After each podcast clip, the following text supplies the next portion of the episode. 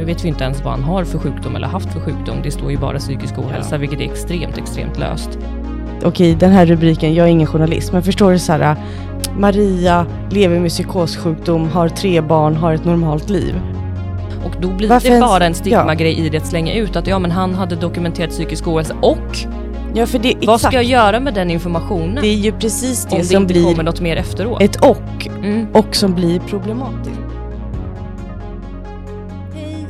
Välkomna till podden. Jag vet inte varför jag gjorde så. Varför?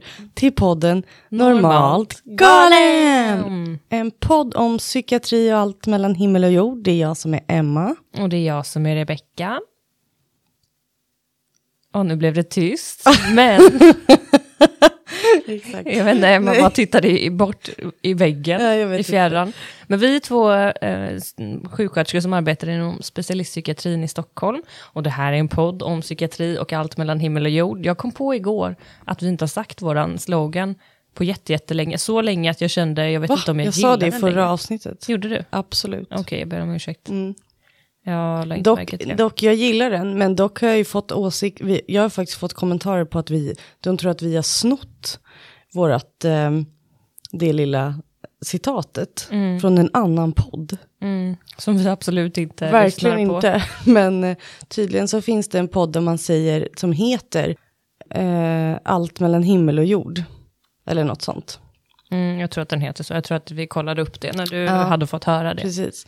Men det här är ju en podd om psykiatri framför allt. Och sen Alltså- kan vi komma in på saker, allt mellan himmel och jord. Ja, och det är därför egentligen vi säger så, mest bara för att inte folk ska tänka att det är mm, någon slags utbildningspodd typ, för det är det ju inte riktigt, även om vi hoppas att kanske bidra till eh, Nej, eller nya kunskaper bara... och nya tankar hos Exakt. folk också, men att den, ibland är det ju lite skitsnack om annat med. Ja, vi sitter ju inte bara och rabblar fakta. Det är en även om- gardering Exakt. för att kunna sväva iväg. För det gör vi ibland och det måste vi få göra. Mm. Men apropå att sväva iväg, eh, inte sväva, det lät det som att jag skulle säga något jätteintressant. Men vi hade ju faktiskt vår första föreläsning Mm. som poddare Ja. eh, för någon vecka sedan. Mm.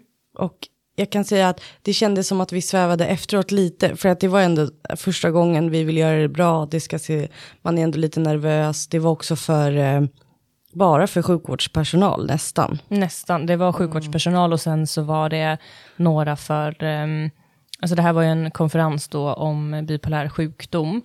Ehm, så det fanns ju också deltagare där som var ifrån brukar, anhörig och brukarorganisationer. Ja, Väl? ja precis. Eh, och sådär.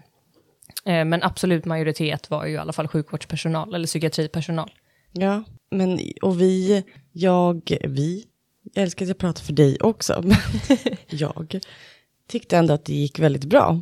Alltså det gick bra och grejen var att vi var ju, alltså vi var nervösa innan, fast Mm. faktiskt inte så, jag var inte så nervös som jag hade föreställt mig att jag skulle vara ändå. Nej, Alltså jag kan säga att jag var mer nervös när jag skulle springa mental health run.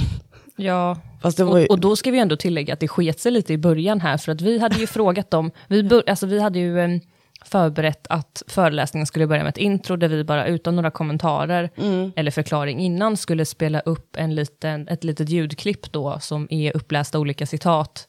Alltså, eh, liksom, vad ska man säga? Oj, gud, prosit. eh, fokus för vår föreläsning var väldigt oväntat nog stigmatisering. Ja, Ehm, så då ehm, så hade vi eh, de här ljudklippen i början där det var liksom upplästa citat, typ, ja, men jag vågar inte säga till min arbetsgivare varför jag varit sjukskriven, bla bla bla, liknande sådana. Eh, och så hade vi frågat innan, ja men finns det möjlighet att spela upp de här? Ja, det är inga konstigheter och bara det är rätt format och allt vad det var. Och jag föreställde mig ju då att de skulle sköta det och Ja. liksom spela upp och så, men och då... att vi skulle kunna ha våran fina bild i bakgrunden som vi hade förberett. Men nu skulle vi ju då liksom, för det första så skulle han ju testa det här, eh, den teknikpersonen eller som, som filmade, för det var också på Zoom samtidigt, eh, ja, han som skötte tekniken, så då skulle han ju testa detta, så då började den ju spelas upp innan föreläsningen hade börjat. Ja, Och, och sen när vi väl skulle starta, ja då hade ju flera sekunder gått, så jag, då fick vi liksom oj oj oj, spela om den, typ tre gånger, eh, och så klicka upp våran powerpoint fort som fan. ja så det blev ju lite stressat där. Men, ja, och då eh, tänker jag ju att då hade vi ju kunnat bli jättenervösa, men Mm. eh, det gick ändå bra. det, jag tycker också att det gick, det gick bra. Och vi hade ju gjort fina sådana här vad kallar man det? Flashcards. Och jag tänker att nästa gång kommer vi nog inte behöva ha flashcards. För att vi tittade typ aldrig i dem. Nej, alltså nu hade vi ju förberett oss ändå ganska mycket. Nästa Ja. gång om man har det, då, då hade det ju räckt med som stödord typ ifall man tappar Mer bort vad, sig. vad ska vi prata om på den här sliden? Och nu var det som en trygghet bara för det var första gången. Mm. Och sen eh, hade vi ju, och då, det var ungefär 40 minuter, vilket var först när vi fick det så här, shit hur ska vi prata i 40 minuter? Mm. Tycker vi gjorde det väldigt bra. Mm. Ehm, och sen igår så skulle vi föreläsa. Vänta, jag vill bara säga en sak till om den absolut. föreläsningen. Ja, gör det. Apropå nervositet. Ja. Alltså, vi hade ju i föreläsningen så hade vi ett segment då där de skulle ha lite så här bikupa och diskutera med varandra. Eh, där vi ville att de skulle rannsaka sig själva då i egenskap av sjukvårdspersonal. Om de vid något tillfälle kan ha förminskat en patients somatiska symptom. Eh, och vad de i så fall tror att det berodde på. Alltså en psykiatrisk patient. Så medan de skulle diskutera kring detta så stängde vi av mickarna och så. Och då mm, väste jag liksom till Emma, för jag, till er som inte vet det, jag har, eh, eh, använder glasögon. Inte korrekta glasögon, jag har bara köpt ett par billiga för att se bättre. för att jag inte orkar ta tag i det egentliga synfelet jag har. Men skitsamma, jag hade inte på mig glasögon. Eh, så jag kunde ju liksom se, ja men, det är klart jag såg alla, men jag kunde inte läsa deras ansiktsuttryck. Nej, just det. Så han liksom hade stängt av mycket och fick jag väsa till Emma bara, alltså jag vet inte, ser de intresserade ut eller inte? Ser jag kan inte tolka. Och jag svarade, de ser intresserade ut. Då kändes det mycket bättre. Ja, men det var de verkligen. Jag tycker att de satt där uppfordrande och nickade och log och kände igen saker och liksom. Och jag kunde ju verkligen inte se det. Nej. Jag kunde, visst, jag såg väl att det var någon som nickade lite så, men jag kunde ju inte se, eh, typ, sover de, ser de kränkta ut, Nej. ser de intresserade ut? Och då tänker jag att det var ju tråkigt för dig nu, för nu var jag, de, alltså alla var Jag fick inte intresserade. the full experience. Nej, exakt. Men hade det varit tvärtom, då hade, ju då hade jag nog blivit mer, då hade ju jag antagligen blivit mer nervös om jag hade börjat se att folk satt och sov. Mm, eller Och du hade bara, det Jag här hade går kört bra. ja, Efteråt jag bara, "Gud, det kändes bra. Du bara, ehm, såg, såg du Exakt. att... eh, de, eh, det var ingen som tyckte det här. nej.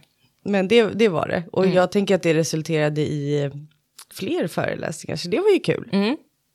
Och det tänker jag om ni som lyssnar, om man någon gång känner så här, kul inslag att eh, komma och föreläsa, jag vet inte, på en planeringsdag eller någonting, vad som helst, så kan ni höra av er till normaltgalen.gmail.com. Ja, det får ni jättegärna göra. Eller i något annat sammanhang. Eh, Så, det finns ju, det finns många ställen jag hade kunnat tycka att det var kul att Ja. få chansen att eh, föreläsa. Så det är bara för er att höra av er. Ja, i så ja, men jag tänker att det är ju, budskapet är ju egentligen, det behöver ju alla tänka efter, det här med stigmatisering kring psykisk hälsa och ohälsa. Mm. Det kan man aldrig prata för lite och för mycket om. För lite kan man prata om. Men inte för mycket. Du får klippa det. Du. Nej, jag kommer inte klippa det. Jag önskar att de hade kunnat se din min efter att du sa det. Så här. Ja, Det var det vi sa också när vi hade föreläst, att här, vi är ju vana att ett, sitta mitt emot varandra med mickar och vi kan klippa. Nu klipper vi inte supermycket i den här podden, men om vi säger något jätteolämpligt så kan man ju klippa bort ja det. inte, oftast är det inte olämpligt, det är ju bara att man känner, men herregud, nu har du ju sagt samma sak Ja. sju gånger. Eller typ nu, det där var ju, hade ju inte ens med saken att göra. Men eh, här fick man ju hålla sig till ämnet. Exakt. Och eh, man blev också filmad. Filmad. Alltså förutom att Ja. de, eh, publiken ser ändå, så var det ju också, eller filmad blev man inte, det var ju mer att det var live. eh, även för de som satt hemma. Och att vi hade ändå tidspress. Alltså Mm. på det sättet i att här kan vi om vi svävar ut ett klippa bort så att ni inte sitter och behöver lyssna på samma sak jag säger 15 gånger för att jag tycker att det är viktigt för så kan det vara ibland. Eh, men också att Alltså det var ju ett späckat schema, om vi drar över så drar nästa över och sen så slutar konferensen jättemycket Alltså så man har ju ändå en, de satt ju där och bara nu är det fem minuter kvar, visade Mm. upp sina händer, hon som var moderator för dagen. Ja, det såg inte jag. Hur gjorde hon det? Ja. Jag vet ju att hon sa att hon skulle Jo, göra hon det. gjorde det. Men, eh, ja, okej. Nej, jag Ja, i så fall, gud, då höll vi ju verkligen tiden jättebra i så fall. absolut. Vi, vi slutade på exakt eh, 40 minuter. Ja, men det var ju väldigt, väldigt bra. Även- Men det är bra träning också att liksom vara lite mer exponerad och inte gömma sig bara bakom en mick som i podden. Eh, så det var jättekul. Men nu kan du ju komma då till vad vi gjorde igår. Ja, igår så var, hade vi också en föreläsning. Och då var det inte på en konferens, utan då var det för... eh, Och inte med podden, utan i Nej, jobbet. då var det i jobbet. Eh, I egenskap av psykiatrisjuksköterskor så föreläste vi för sjuksköterskor som jobbar på sjukhuset, fast i somatiken. Mm. Och då är det, det är någon slags kurs då, där sjuksköterskor som har jobbat, eh, jag- jag förstod det som att det var att de får ha jobbat högst ett år. Ja, precis. Så de som var där hade jobbat antingen ungefär ett halvår eller nästan ett år. Ja, Eh, och då mm, så är det en kurs där de liksom får olika föreläsningar, fattar jag det som. jag, jag olika förstod det områden. som det, precis. Och då, Tidigare omgångar så hade de efterfrågat att få något om psykiatri då, för det fanns det inget. nej, så det gjorde vi, så det var ju roligt. Mm.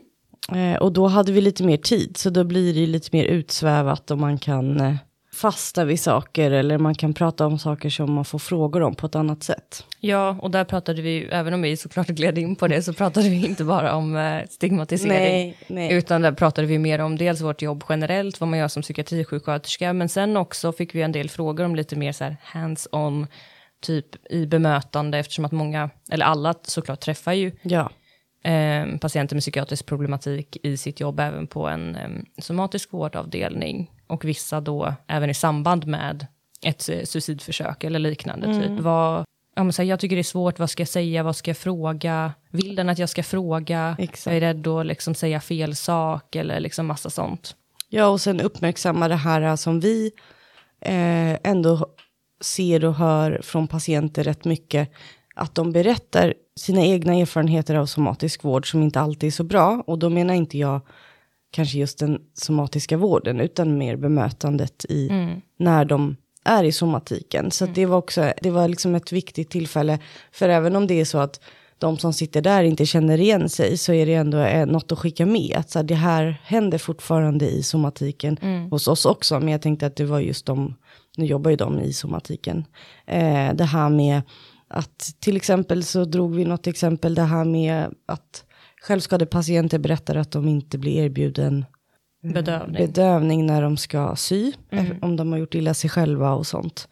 Eh, Så det kändes också viktigt att poängtera. Och där var det ändå flera liksom, som såg genuint chockade Absolut. ut. det Och bara, oj, men Ja. händer det fortfarande? Och även, jag berättade till exempel när vi var inne på det här med självmordsförsök och så, att eh, under mina år som aktiv psykiatrisjuksköterska, så har jag aldrig varit med om, alltså när jag får rapport då från en sjuksköterska om en patient som har vårdats eh, efter sitt suicidförsök, vårdats på somatiken innan de kommer till oss, så frågar jag ju ändå, av någon anledning frågar jag fortfarande, fast jag inte förväntar mig att få ett svar, men jag frågar alltid ändå kort bara, liksom, vet, du, vet du någonting om det hade hänt något särskilt? Är det någon specifik utlösande faktor just nu? Är det, är det någonting liksom som, eh, ja, till varför den här personen faktiskt försökte ta livet av sig?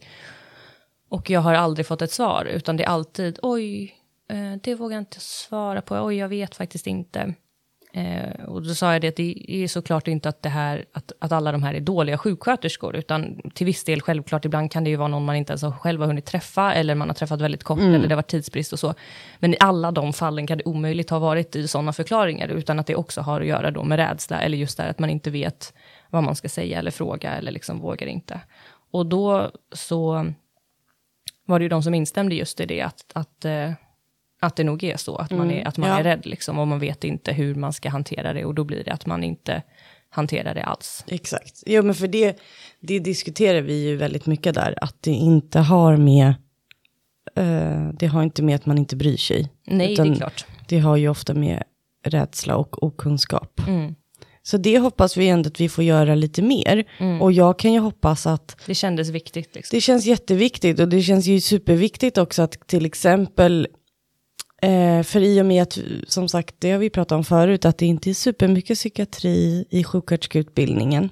Att jag tänker ibland att sådana här, det behöver ju inte vara du och jag som föreläser, men att man ibland också bjuder in folk som faktiskt jobbar aktivt. För att det kan jag ju uppleva ibland när jag själv pluggade, det kommer jag ihåg när man pluggade, att vi hade till exempel en, en, en, eh, han var säkert jätteduktig sjuksköterska när han var aktiv sjuksköterska, men han var IVA-sjuksköterska i botten och han trodde på riktigt att det bara var IVA-sjuksköterskor som satte PVK. Nej men snälla. Nej, det är sant, det är sant. Eh, hoppas han inte lyssnar på det här. Men han blev också typ kränkt när alla bara, fast det är inte så längre. Alltså så här, han hade någon föreställning om att det var så. Sen är det också sjukt, har det någonsin varit så? Men Då menar jag i att så här, det kan ju också vara sådana som är jätteduktiga i teorin i psykiatrin och har jobbat väldigt länge i psykiatrin innan de blir lärare. Men det var också väldigt länge sedan. Det kan också vara lite en frisk fläkt eller lite uppmuntrande att få en föreläsning från folk som faktiskt är aktivt jobbar med patienter. Ja, och det kan också vara lite mer konstruktivt i den bemärkelsen att, för det upplevde jag ju ändå eh, av de frågorna vi fick under den här föreläsningen, att det var mycket av det, just eftersom att det är sånt som saknas, att Alltså jag tänker typ teorin, om man nu själv tycker att det är viktigt och har ett intresse av det. Eh, Ja, det, det finns det många vägar själv. att tillskansa sig den. Men att jag upplevde att det fanns en liksom längtan efter att få lite konkreta tips till vad ska jag säga, vad kan jag fråga, hur liksom Ja, eller till exempel det var någon som ställde liksom fråga kring, ja, men som, som tyckte att det kändes jobbigt när en till exempel vårdar personer då efter ett självmordsförsök och sen så kommer det en eh, psykkonsult som träffar de här personerna och så får de gå hem och hon kände liksom, alltså, varför är det så? Och då kunde vi förhoppningsvis ge några eh, tänkbara liksom, förklaringar till det. Varför det kan vara på det sättet. Och sådär. Alltså sådana saker som liksom är, är svårt att hitta i en bok, utan ehm, Man behöver höra det från någon som faktiskt har varit med om det eller jobbar med det. mm, Så det, det tycker jag var kul att vi blev inbjudna, att man ser, ser det. Och positivt att ett, det har efterfrågats om psykiatrin. Och att de också som har det här programmet ehm, frågade om vi ville komma. Att de också tänker att det är viktigt. mm, Ehm, för det känns ju som att det blir, det blir ju mer uppmärksammat, det har vi pratat om, det här med eh, stigmatisering. Och det är ju en sån här grej också som kan hjälpa till att minska den. Att vi får komma ut och berätta vad vi gör på jobbet mm. eh, i heldygnsvården. Där inte det, det blir de låsta dörrarna och bakom där så gör man hokus pokus saker. Mm.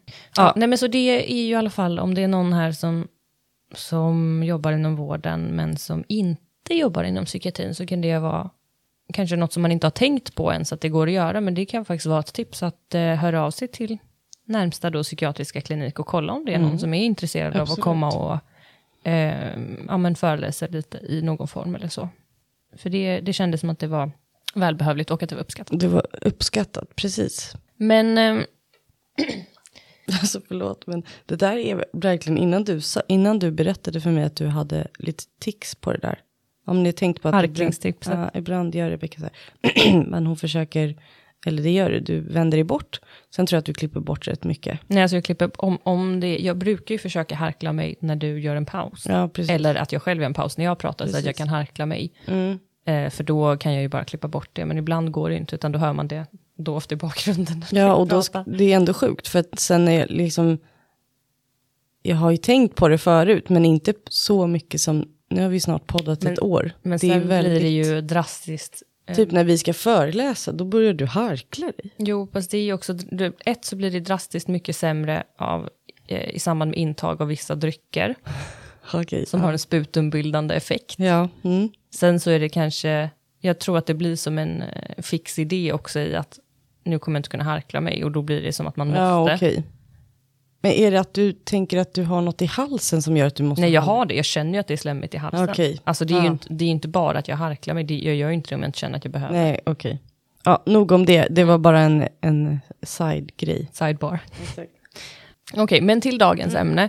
Alltså, vi tänkte prata om idag, hur ska jag komma in på det här ämnet? Ehm, vi brukar ju nämna ganska, eller vi har ju liksom nämnt vid upprepade tillfällen i den här podden att det är, på tal om eh, gamla vanliga stigmatisering, så brukar ju vi ta upp som exempel det här med att till exempel i att eh, psykiska sjukdomar och så vidare, att det ofta eh, omnämns i media i sammanhanget av, eh, ja, men kring när det har liksom begåtts våldsbrott eller så. Att det börjar spekuleras och så vidare. Ehm, och det har vi ju nämnt tidigare i podden. Och, eh, eller spekuleras, ibland är det inte bara spekulationer, utan det är fastställt. Och problemet är inte Ja. att man pratar om det, utan problemet är ju att det inte eh, får synas eh, så mycket i andra sammanhang, utan att det blir förknippat på något sätt med liksom, våld och psykisk sjukdom, typ så. Ja, precis. Jag tänker att det, det Att det blir en Pavlovs hundar-effekt i att man, att man tänker det, trots att det är liksom... Så, så att det, det handlar ju inte om att man inte ska säga det, utan eh, snarare om alla andra sammanhang där man inte pratar om dem. Ja. Men i alla fall, här har vi ju nyligen då ett, ett exempel eh, där det har förekommit ett, eh, ett fruktansvärt brott. Ja. Ehm, Usch, fruktansvärt. alldeles nyligen. Och vi eh, tänkte att vi skulle prata om det lite utifrån de diskussioner som har kommit upp i samband med det här brottet. Och Ja. brottet som vi eh, pratar om är ju det här, eh, Hässelbymannen kallas ju eh, förövaren. det var ju en pappa då som knivhuggit eh, sina barn och slängt ut dem genom fönstret, eller var det från balkongen? Fönstret då? Ja, för, eh, ja det, var, det har skeva uppgifter för jag läst både och. Men från femte Mm. Ja, våningen. det spelar egentligen ingen roll. Nej, det var i alla Från hög från, höjd. från femte våningen. Mm. Varpå ett barn avled senare Mm. på sjukhus av sina skador. Och det andra vårdas fortfarande. Mm. Svävar mellan liv och död. Eh, men och i samband med det sen så häktades ju båda föräldrarna för det här dådet, men mamman släpptes rätt snabbt efteråt. Och då, i och med det, så, så dök det ju upp att den här pappan till barnen hade ju dokumenterat psykisk ohälsa. Eh, och då i eftersvämningar av det här så blev det ju diskussioner kring det här med att man, hur ska jag säga det för att det ska, att man liksom, ehm, Alltså det känns ju som att det har kommit mycket också i samband med uppgifter då ifrån grannar som har liksom berättat att de under lång tid då har fått en känsla av att någonting inte stod rätt till Ja. och av olika anledningar så har de liksom eh, ja, fått misstanke av att saker och ting kanske händer i det här hemmet men ingen hade slagit larm. Eh, så då har det ju dels liksom rest reba- eh, debatter då om det här med vikten av att ja, liksom civilkurage och att faktiskt eh, anmäla eller knacka på grannen om det anses lämpligt och så vidare och så vidare. Eh, Alltså det måste jag bara säga. För det blir jag så upprörd över. Alltså folk som står sen i typ tv då och berättar att hur de har hört att det har liksom bankats och skrikits och hit och dit. Alltså hur kan man som en vanlig person utan samvetskval typ stå och berätta det men sen berätta också att så här, jag gjorde ingenting. Alltså då hade, jag hade aldrig velat, jag hade nog inte ens velat ställa upp på en intervju för att jag hade känt så här, fy fan, Hade skämts jag hade så mått mycket. så dåligt. Och grejen är att, för det tycker jag ändå är en sån grej som, jag, tror, jag vet inte om det kommer med jobbet också, att vi får höra så mycket tragiska historier från liksom, personer som har varit utsatta, eller liksom, men att om det är så, eh, för jag bor i lägenhetshus, i att så här, om man börjar höra att det dunkar och jag har till och med varit ute på du vet, balkongen, jag har till och med ringt polisen någon gång för att jag var så här, vet du, det spelar ingen roll om det inte är någonting, men tänk om det är något, jag kommer aldrig leva med mig själv om det faktiskt är något som händer. Eh, och jag vet att så här, någon gång när jag var ute så var det någon granne som också var ute och han sa, men jag har redan larmat, typ så. Alltså så man hade en kommunikation. Eh, så jag blir så upprörd när folk kan stå i tv och berätta att så här, jag tyckte att det var konstigt, han har alltid varit underlig, eh, bla bla bla. Alltså så här, ja ah, men okej, de bara, ah, larmar du eller sa du till? Nej. Det är ju lite som att man vill ha fem minuters fame. Alltså förstår du, det handlar inte ens om det här, eh, det handlar inte om civilkurage, du vill bara synas i tv. Ja, så Alltså- jag menar tidpunkten för civilkurage har ju, den har ju Jo, passerat. men jag menar att så här, det, varför, varför ställa upp på intervjun? Du gjorde ju ändå ingenting jag om du nu inte hade det hört heller. det. Jag fattar inte det heller, vad poängen är med det. Ja, eh, men, men på grund av det då så har det i alla fall skapats mycket diskussioner just om detta, om vikten Ja. av att faktiskt agera, eh, att liksom larma polis eller socialtjänst eller vad det nu kan vara eh, som man eh, misstänker för någonting. Mm.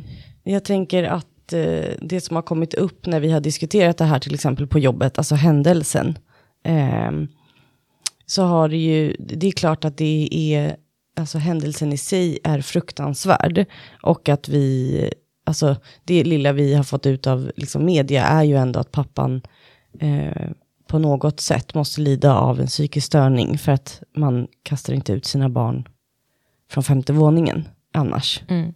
Ehm, men sen så läste vi en, en debattartikel igår var det va? I Aftonbladet av en jurist som heter Hanna Bergvall. Vill du ta lite vad den handlar om innan vi...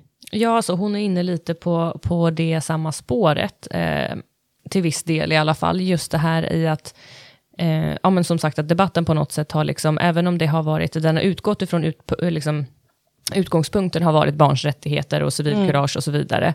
Eh, men att den på något sätt då, barnamord och barns rättigheter har klumpats ihop eh, med frågan om mäns våld mot kvinnor, när den egentligen då kanske borde handla om föräldrarnas psykiska hälsa, där hon menar på att friska föräldrar mördar inte sina barn, och det är också Exakt. det som är titeln för hennes debattartikel.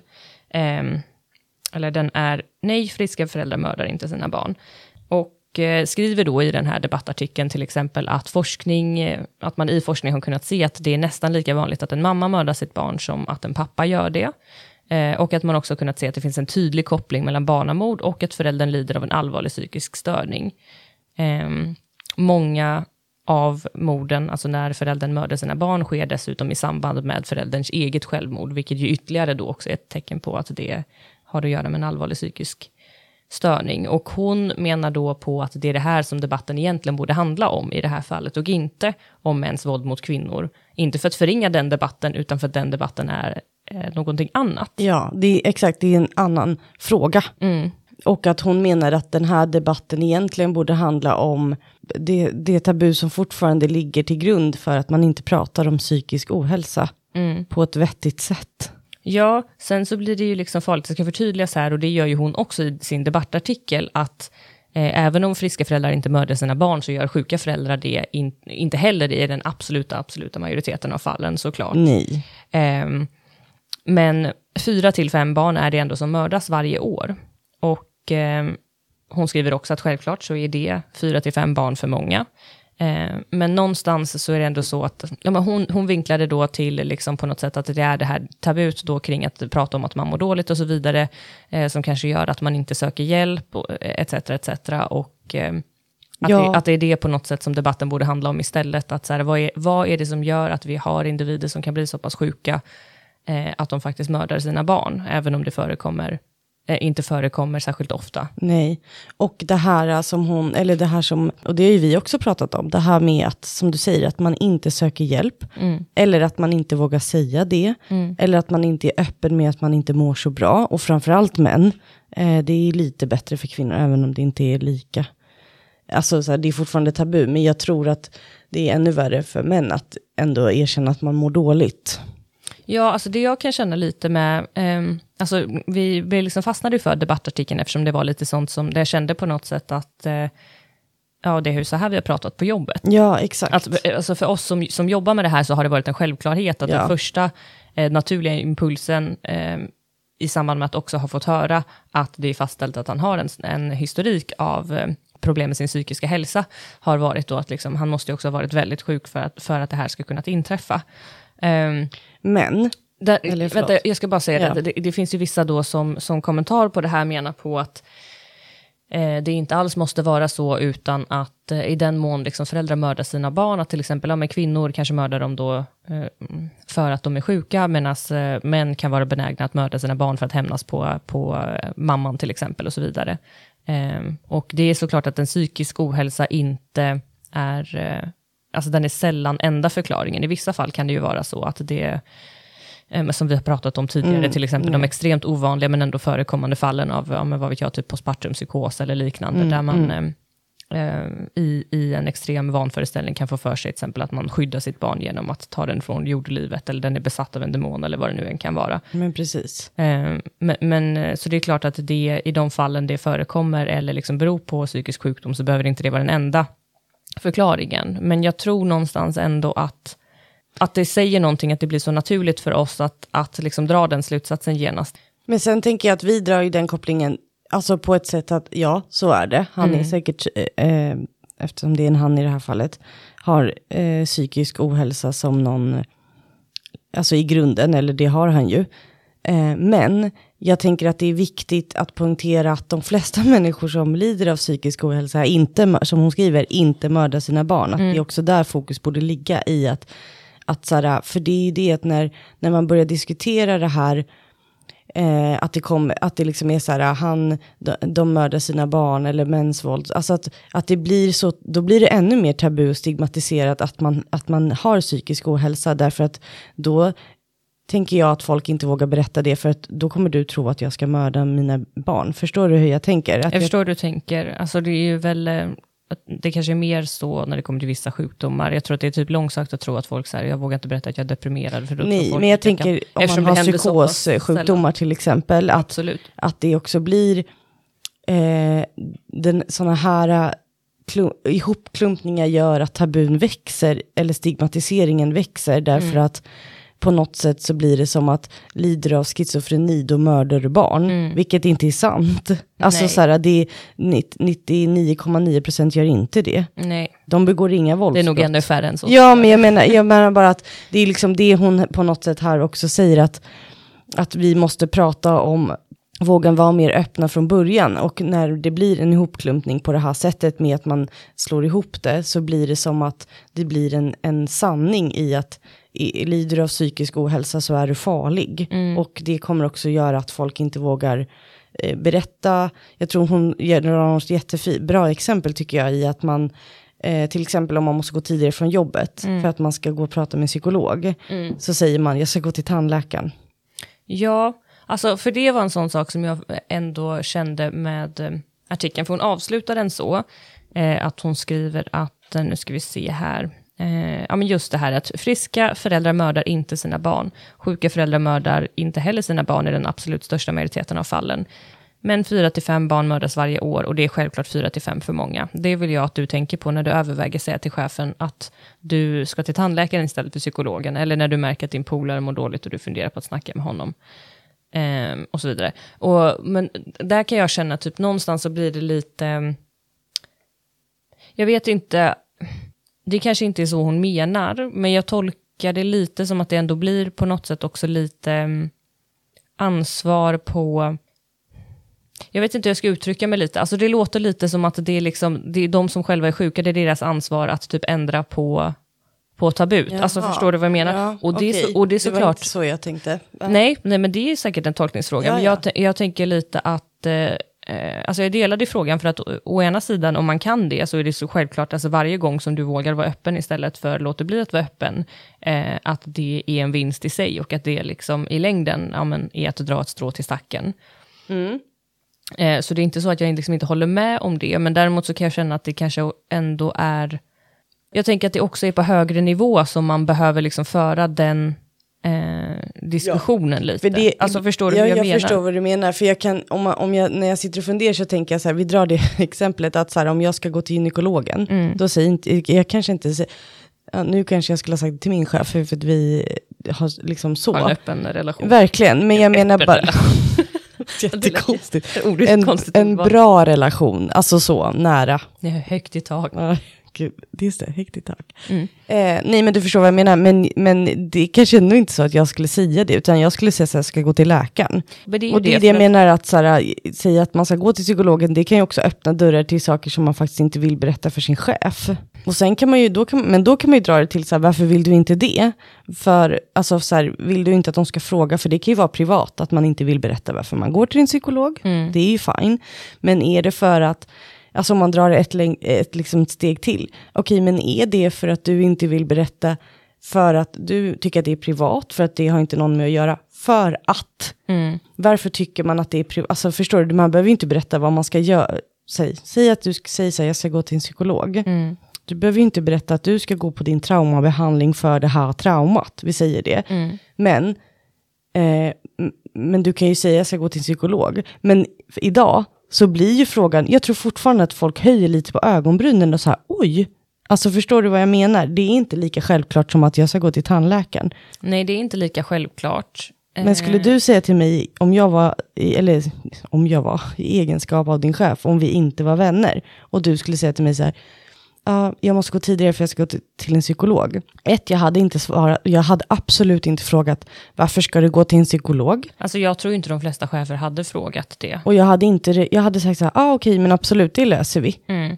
Men det är det jag tror att folk är rädda för, att den här frågan, inte att de inte löser det, utan den här, jaha, Mm. för bara det lilla.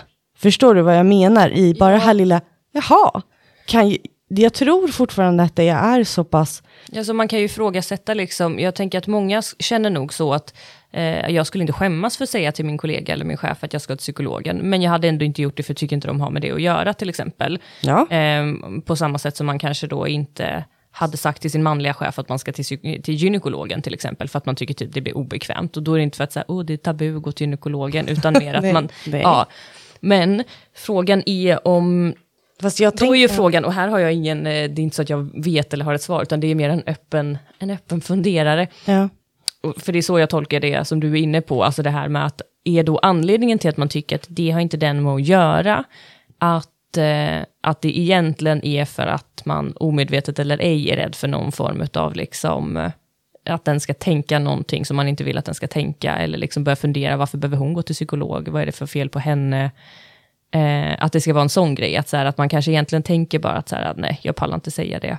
Eh, för jag tycker det är privat. Men varför tycker jag att det är privat? Ja, det- Eftersom jag ändå inte ska berätta varför jag ska, varför jag ska dit, så blir det ju inte... Det säger ju ingenting om mig eller mina problem, bara att jag berättar att jag ska dit. Mm. Det är exakt så jag tänker. Mm.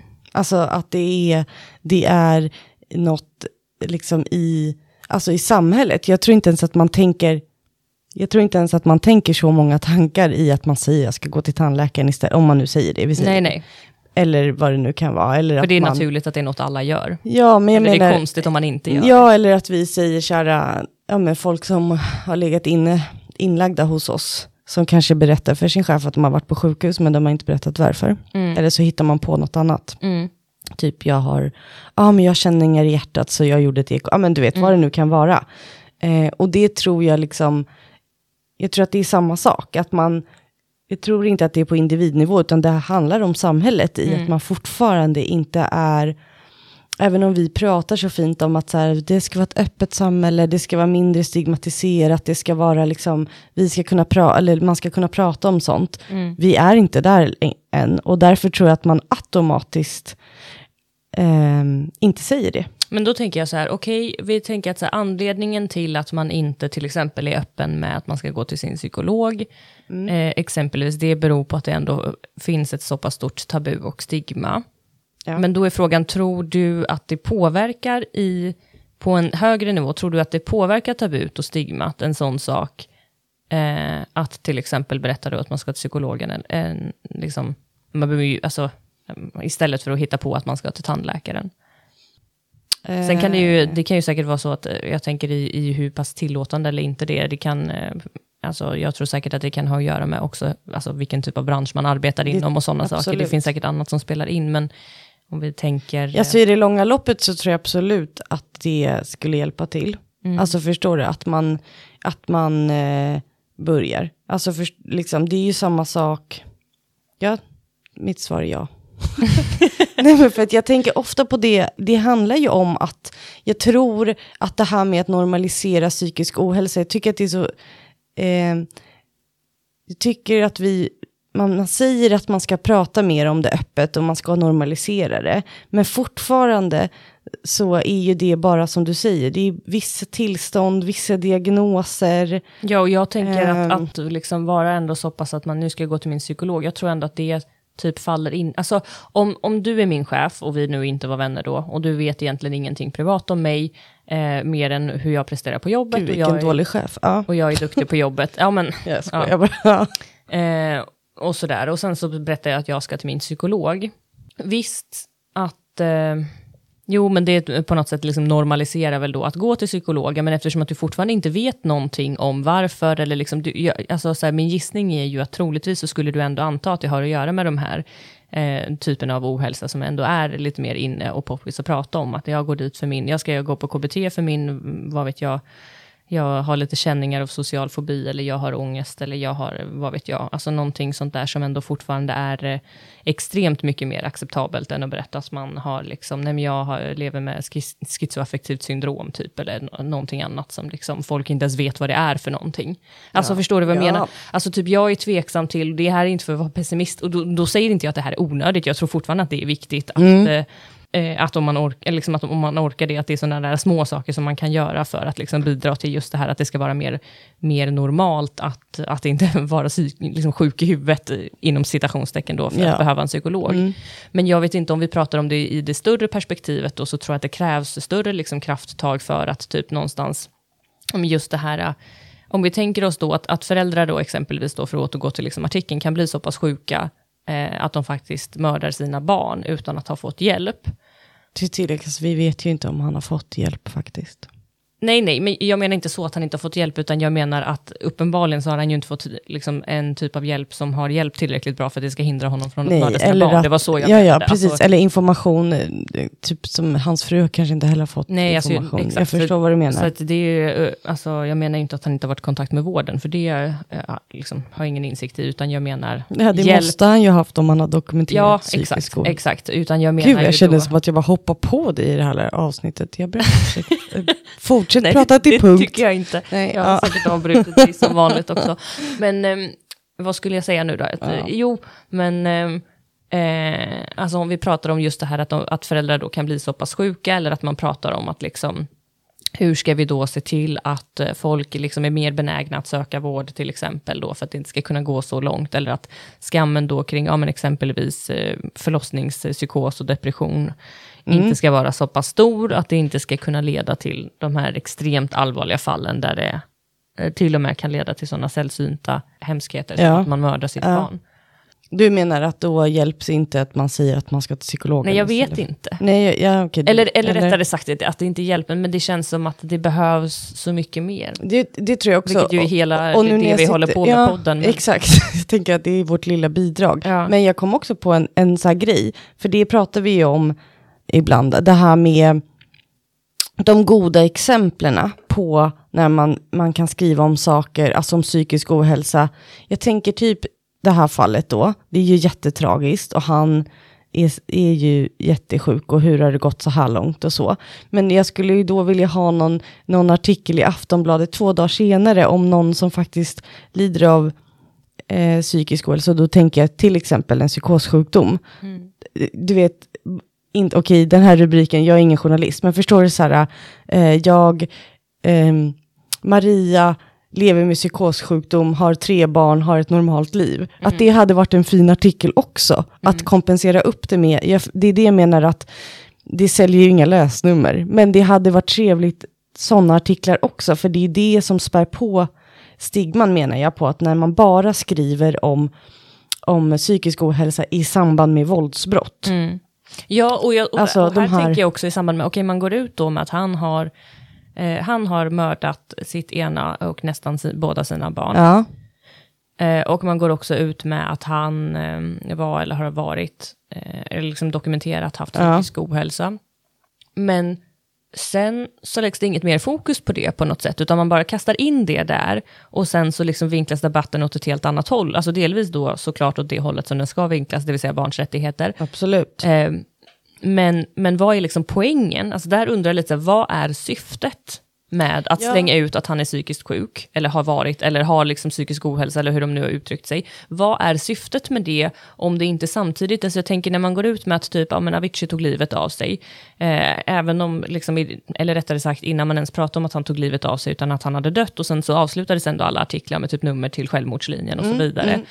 Där är typ sådana saker att då, då pratar vi ingenting fortfarande om liksom, det, det känns som att det fortfarande borde kanske då eh, komma upp sådana här debattartiklar, eller liksom, vad vet jag, ligga små informationsremsor i slutet, där det liksom så här, ja men vad vet jag, typ, är du rädd att skada ditt barn? Eller, är du, eller vad vet jag, jag vet inte, jag kommer Ja, inte nej, på men någon bra förstår. formulering Nej, ja, nu, men, ja, men nej, vart men man ska vända sig om man, mår, om man mår så pass psykiskt dåligt att man är rädd att man inte kan ta hand om sina barn ordentligt. Alltså för jag tänker, det kan, nu, nu pratar jag liksom bortom det här fallet, utan överlag. Ja. Eh, där vi att vi träffar, faktiskt- där vi träffar liksom patienter i vårt jobb till exempel som är livrädda eller har varit livrädda för att söka vård för de har tänkt att liksom, nej men jag har hört att ni skickar en orosanmälan till exempel, jag är rädd att bli av med mina barn eller jag är ena med Exakt, andra. det och det. sen så går man hemma där och, och blir ännu sjukare och helt plötsligt så kanske det, eh, ja, men det behöver inte gå så här långt, men Nej. det fortfarande är så att barnen på olika sätt tar skada för att man är rädd att söka hjälp.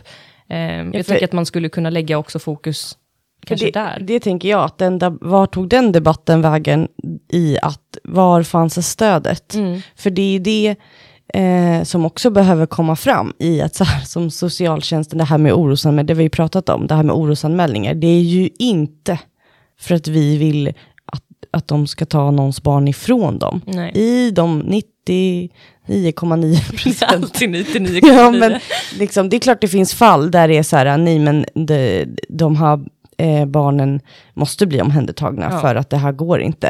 Eh, men jag tänker, de flesta vi träffar är ju verkligen inte så. Däremot så är det ju så som, ibland tänker jag, som vi har pratat om på jobbet också, att man borde ändra namn på den där anmälan. För när man säger orosanmälan då blir det redan, liksom att man har ett oro för barnet. Men att så här, ibland om man skulle säga så här, vi kommer skicka en stödanmälan till socialtjänsten i att du finns stöd att få när du mår dåligt. De tar kontakt Ja. med dig för att erbjuda dig stöd stöd. i att ta hand om ditt barn i vissa fall. Man kanske behöver avlastning, man kanske eh, liksom över samtal eller... vad som helst, kuratorskontakt eller liksom vad, vad som. Ehm, vad tog den debatten vägen? Det det hade menar. han blivit erbjuden det? Hade det varit en orosanmälan? Hade de dokumenterat att de hade barn i familjen? Ehm, om han nu hade psykisk ohälsa. Det handlar inte om att jag inte tror, för jag vet att folk med psykisk ohälsa är de bästa föräldrarna som finns också. Det handlar inte om det, Mm. men det handlar om att, att problematisera att man kanske behöver stöd ibland när man mår så dåligt. Det som om man har psykossjukdom, den går ju i cykler. Mm. Om man får en psykos, nej, när man får en psykos och är i en psykos, då är man inte en bra förälder. Nej. Det kan vi ju ändå enas om. Mm. Och vad händer då? Kan de få stöd? Kan barnen få stöd också i att ibland mår pappa eller mamma inte så bra? Eh, kan de hjälpa Ja, till va- med vart, det? vart är liksom alla pitchningar i de här eh, i de här artiklarna om till exempel tips om maskrosbarn. Alltså det finns ju barn som är tillräckligt stora för att själva också stödja, stödja Ja. sig till exempel, eller söka sig till Ja, stödorganisationer. verkligen. Där där liksom man ser de här rubrikerna och de här och på nätet och det florerar och så vidare. Ehm, där liksom, okej om din förälder inte söker, söker vård, men vart kan du vända dig om du behöver hjälp och prata med någon eller någon som, Som kan hjälpa liksom dig. hjälpa dig. Då, jag känner att det blir liksom så här att handlas meningslöst och då blir Varför det ens- bara en stigma-grej ja. i det att slänga ut att ja men han hade dokumenterat psykisk ohälsa och ja, för det, vad exakt. ska jag göra med den informationen? Det är ju precis det om det som inte blir kommer något mer efteråt. ett och, Mm. och som blir problematiskt. Det, det är det där jag blir upprörd i, att så här, man väljer bara att nämna det, och sen så går man vidare, och då sitter jag där, ja men vi säger att Pelle, 27 år, mår dåligt, inte så att han inte söker hjälp för att han tänker att de tror att han ska mörda sina barn, inte det, men att man tänker att okej, de som har psykisk ohälsa och faktiskt behöver hjälp, det är sådana som mördar sina barn, Ja. så därför kommer inte jag söka hjälp. Mm. Alltså, men förstår du? exakt. Problemet Så det är det som är grejen, att jag, jag håller ju med om, om det som, som Hanna här skriver Ja. i sin debattartikel, men jag tycker inte att det stannar där. Alltså jag tycker att så här, ehm, att när typ punchlinen bara blir det här att så ja, men tänk på de här sakerna nästa gång när du ska liksom gå till eh, psykologen, Ja. att du ska säga att, ja, det är inte det att jag tycker att det hon säger är fel, men jag tycker att typ det behöver också, jag håller med om det hon säger, men jag tycker att det också behöver lyftas på en större nivå i liksom, eh, alltså för att på liksom samhällsnivå någonstans liksom, vi färgas ju väldigt mycket av det vi ser i media, Ja. och det vi matas med i media. Och då tycker jag att så här, ska man slänga ut en sån här sak, det handlar inte om att, ännu en gång, att vi tycker att det får man inte säga. Eh, det, det är inte det som är grejen, men, men vad är poängen med att säga det? Poängen borde väl vara att debatten också ska riktas då till någon, någonting liksom konstruktivt. Eh, någonting som kan göra liksom nytta, att det inte bara är en liksom, Ja, eller de, och att det de bara ska vara liksom någon slags, för då blir det också så konstigt, för om du bara slänger ut det, då blir det så här, ja men då kan man, den som läser kan välja eh, två riktningar, antingen till att så här, ja, det, det är ju liksom, psykisk sjukdom kan ju vara liksom enda förklaringen till att, till att man begår ett sånt här brott, eller till att man tror liksom att så här, eh, ja, det, det är väldigt mycket högre risk till exempel, att vara våldsbenägen om man har vissa typer av eh, sjukdomar. Nu vet vi inte ens vad, vad han har för sjukdom eller haft för sjukdom. Det står ju bara psykisk ohälsa, vilket är extremt, extremt löst. Eh, så vi vet ju egentligen inte, baserat på det som står i artikeln, så vet man ju fortfarande inte egentligen om det hade någonting att göra med eh, att han begick det här brottet nu. Det skulle ju lika gärna kunna vara droger eller någonting annat. Alltså, ja, ja, det är också Alltså, en sån grej. ba- bara för att han, det, det enda som står är att han har dokumenterat psykisk ohälsa. Vadå, han hade en liten utmattning för sju år sedan, låt säga. Så det här Ja. drar jag bara ett Ja, ja. exempel. Det behöver ju inte ha någonting att göra med vad han har begått för brott nu, men det kan också vara så att han, att han lever med en kronisk eh, eh, psykisk sjukdom och att det i allra högsta grad hade att göra med att han begick Mm. den här, det här brottet. Vi vet ju inte det. Nej, och jag menar det är också intressant då att det inte spekuleras i om han var drogpåverkad. För att jag Mm. menar de flesta våldsbrott som begås, det handlar ju inte om att folk är, har psykiska sjukdomar, de kanske har det också, men att de har drogproblematik. Mm. Alltså att de är påtända. Poängen är i alla fall att eftersom Ja. att egentligen, att, att säga då att han har en psykisk ohälsa, egentligen om man bryter ner det, eh, inte säger någonting om den eventuella kopplingen till brottet, om det är det enda vi får veta. Nej. Och då känner jag ännu mer, men och? Ja. Varför ens skriva det om ni sen då inte åtminstone då kom in med någonting kring, eh, ja men som sagt med vart man kan vända sig om man själv är orolig, om man är orolig för någon annan, hur gör man en orosanmälan till exempel, Mm. eller vart kan du som barn då vända dig om du är rädd för att din, liksom, eh, eller du, du är rädd för att din förälder mår dåligt, eller din förälder missbrukar, eller din, vad det nu än kan vara. Nu ska inte jag svära på det, inte så att jag har läst alla Aftonbladet-artiklar, alla Expressen-artiklar, alla Svenska Dagbladet, nej, nej. men jag har inte sett detta Nej. och jag har inte sett någon debatt heller, varken i media eller i sociala medier, som jag har noterat. Och, och där tycker jag någonstans att det ligger ett problem. Ja men det gör ju det. Slut på rant. Nej men jag tycker att det, det är br- ett bra rant. Bra rant. Men jag, tänker, jag tycker också att det, ehm, det, de goda exemplen tycker jag är tråkigt. Jag förstår att de inte säljer, men Mm. jag tycker ibland att det borde, liksom, för det blir också det här, eh, alltså, de, eller de goda exemplen, okej, då menar jag de här som faktiskt, Åkte glassbilen förbi ute. Undrar om det hördes. det gör det. Men vänta tills den har klart då.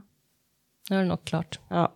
Nej, jag menar bara att det blir också, jag tycker att ibland att det blir, det blir konstigt därför att alla eh, som, som eh, lever med en eh, kronisk psykiatrisk sjukdom är ju inte dåliga personer, våldsamma personer, dåliga föräldrar.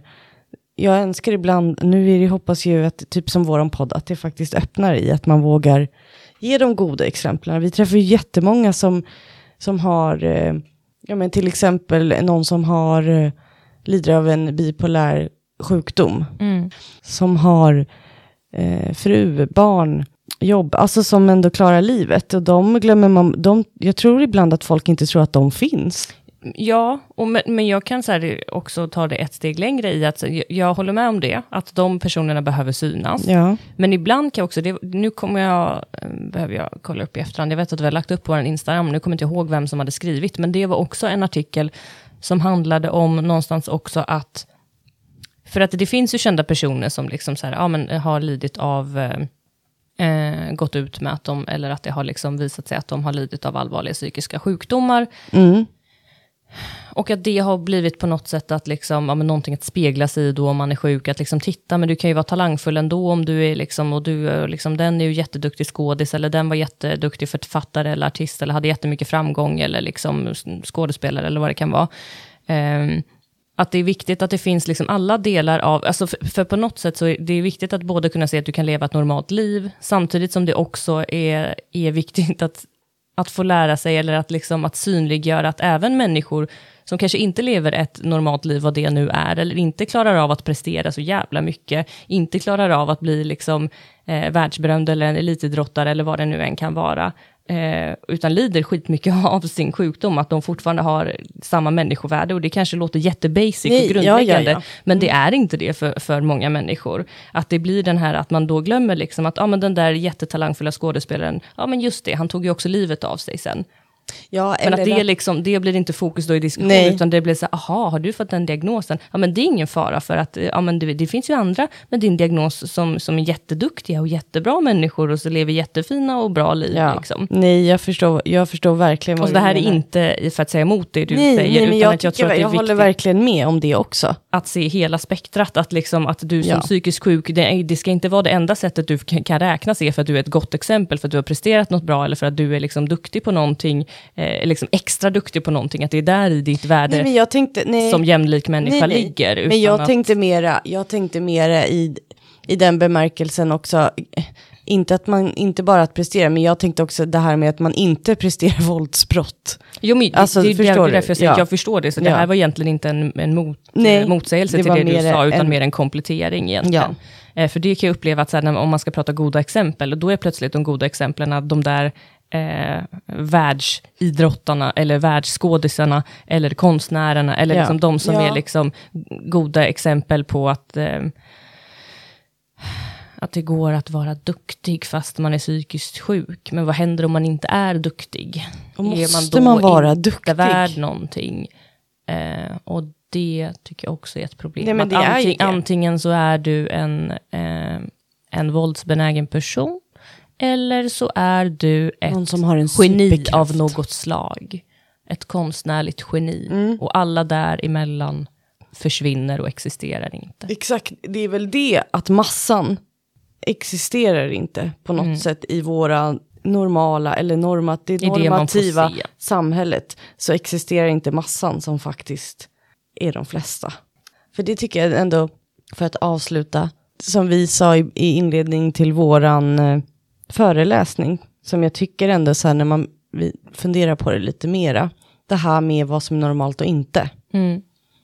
apropå det här, äh, vad man säger och pratar om och hit och dit. Att så här, jag tänker ofta på det, eh, att barn, är, man lär barnen väldigt mycket idag, vilket är sant, att alla, alla, är, alla är lika mycket värda, man får vara hur man vill, eh, det handlar inte om, eh, ja men vissa barn som kanske har diagnoser, de är på sitt sätt och sen är du på ditt sätt, men allt är normalt och allt är tillåtande och liksom så. Och när, så länge man är barn så är det ju så.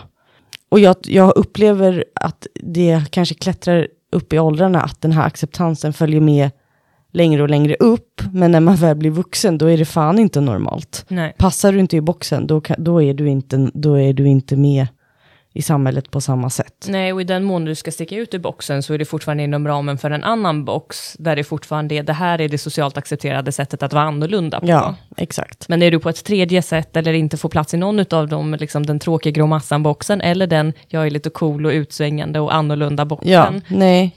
eh, Men så eh, är det väldigt snävt. Och där tror jag att massan, jag, jag vill inte lägga det på folk som, jag vill inte lägga det på folk som har diagnoser bara, men jag tror att är man mer öppen med att man eh, kanske har en autismdiagnos eller man har en, en bipolär diagnos, eh, det kan vara att man börjar med bara vännerna så, men att man blir mer öppen i att det inte är, ett, det är inte konstigt.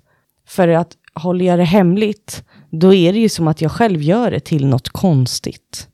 Alltså förstår du vad jag menar när jag säger så? Mm, Eh, till viss del. Ja, men jag menar bara att så här, om man då börjar prata mer öppet om det överlag, så kommer det ju successivt också att bli mindre stigmatiserat. Och att det är vårat uppgift, våran uppgift som, som jobbar inom typ psykiatriska vården också, att ge vår bild i att den här massan, det är den, de flesta människor hamnar där. Det är inte folk som mördar sina barn. Exakt. Det är därför eh, ni som har kontakter ska se till att vi får sitta i Malou efter tio. Exakt. Nej, men, Vi har mycket att säga. Ja, men att komma ut och föreläsa. Jag tänker också som, ehm, nu är mina barn små, men jag tänker när de blir liksom, eh, jag pratar redan nu om det, men, men folk som då inte är så nördiga som jag som jobbar inom eh, psykiatri och liksom tycker att prata med mina barn om just det. Eh, för att jag kan, för min man brukar säga så här, men snälla, jag tänker att så här, ja, ja, ja. Men, men jag tänker att det kommer, ge, det kommer ge tillbaka när de är 15-16, Absolut. förhoppningsvis. Och de kanske ger tillbaka till sina vänner, eller ger vidare till sina Ja, vänner. det, och... det, det är liksom min förhoppning. Men jag menar att, Det är ju typ som, Eh, förlåt, jag måste bara säga att när, ja. vi, när vi, den här konferensen vi föreläste om, så var eh, suicidforskare Ulla-Karin Nyberg där, och hon berättade ju det att liksom, ja men det är ju, eh, det är ju så normaliserat att prata om självmord hemma hos dem och till liksom, så att när hennes son hade flyttat hemifrån så hade han ju typ sagt att ja, han tyckte det var skönt att kunna äta frukost utan att prata om självmord typ. Men det öppna klimatet hade ju också gjort att hans vänner, eh, Ja. även då i vuxen ålder, kunde höra av sig till henne när de mådde dåligt. Ja. Eller till och med berätta, liksom, "Men vart, vad ska jag göra, vart ska jag vända mig, vad ska jag liksom, okej, ja, nu känner jag så här, fan jag, ja men liksom, och även med väldigt tunga liksom saker, och att det ansågs inte vara konstigt. konstigt att de vände Nej. sig till sin kompis morsa för att prata om det, eftersom att det hade alltid varit normalt när man hade varit hemma hos dem. ja. Och det tänker jag är lite det du är inne på. Ja, jag, jag, och jag hoppas att det på något sätt blir... äh, Du blir Ulla, Ulla-Karin ja, mot dina barn. Ja, eller att liksom, om man inte vill säga det till sin mamma att man mår dåligt och självskadar så kanske man säger det till Elis mamma. Mm. Till, alltså så. Elise är alltså Emmas dotter. Ja, exakt, precis.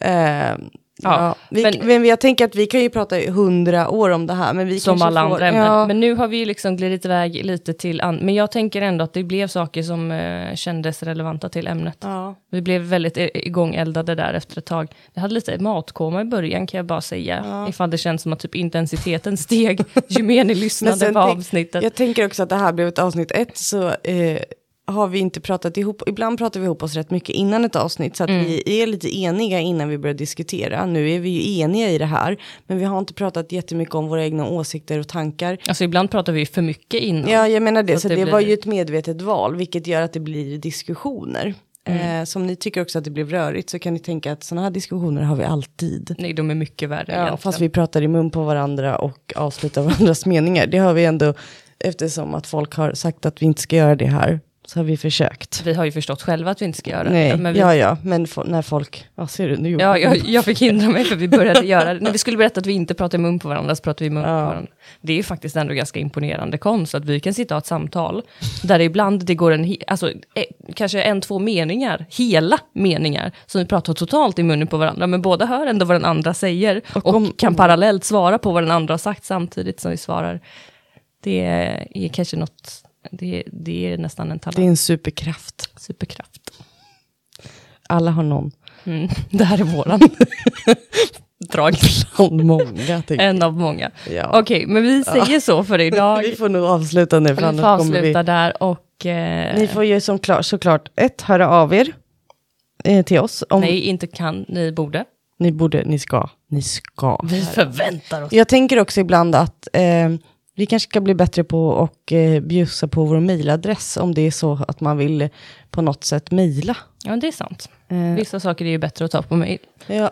Eller om man inte har Instagram. ja, exakt, och bara lyssna på podden. Så då når man oss på normaltgalen.gmail.com. Alltså Gmail. gmail.com. Snabel A. Ja, okej. Det känner jag ändå att folk har koll på, va? Ett snabel. Okej då. Ja, det är våran mail och eh, normalt galen understreck podcast på int- Instagram. Jag glöm inte att följa oss där. Nej. För att jag tror att många lyssnar men inte följer oss där. Mm, jag vet att det är så, men eh, det kanske är dags att ni börjar. Okej, men nu har vi Nu, babblat nu länge. säger vi Ja, hej då! hej då!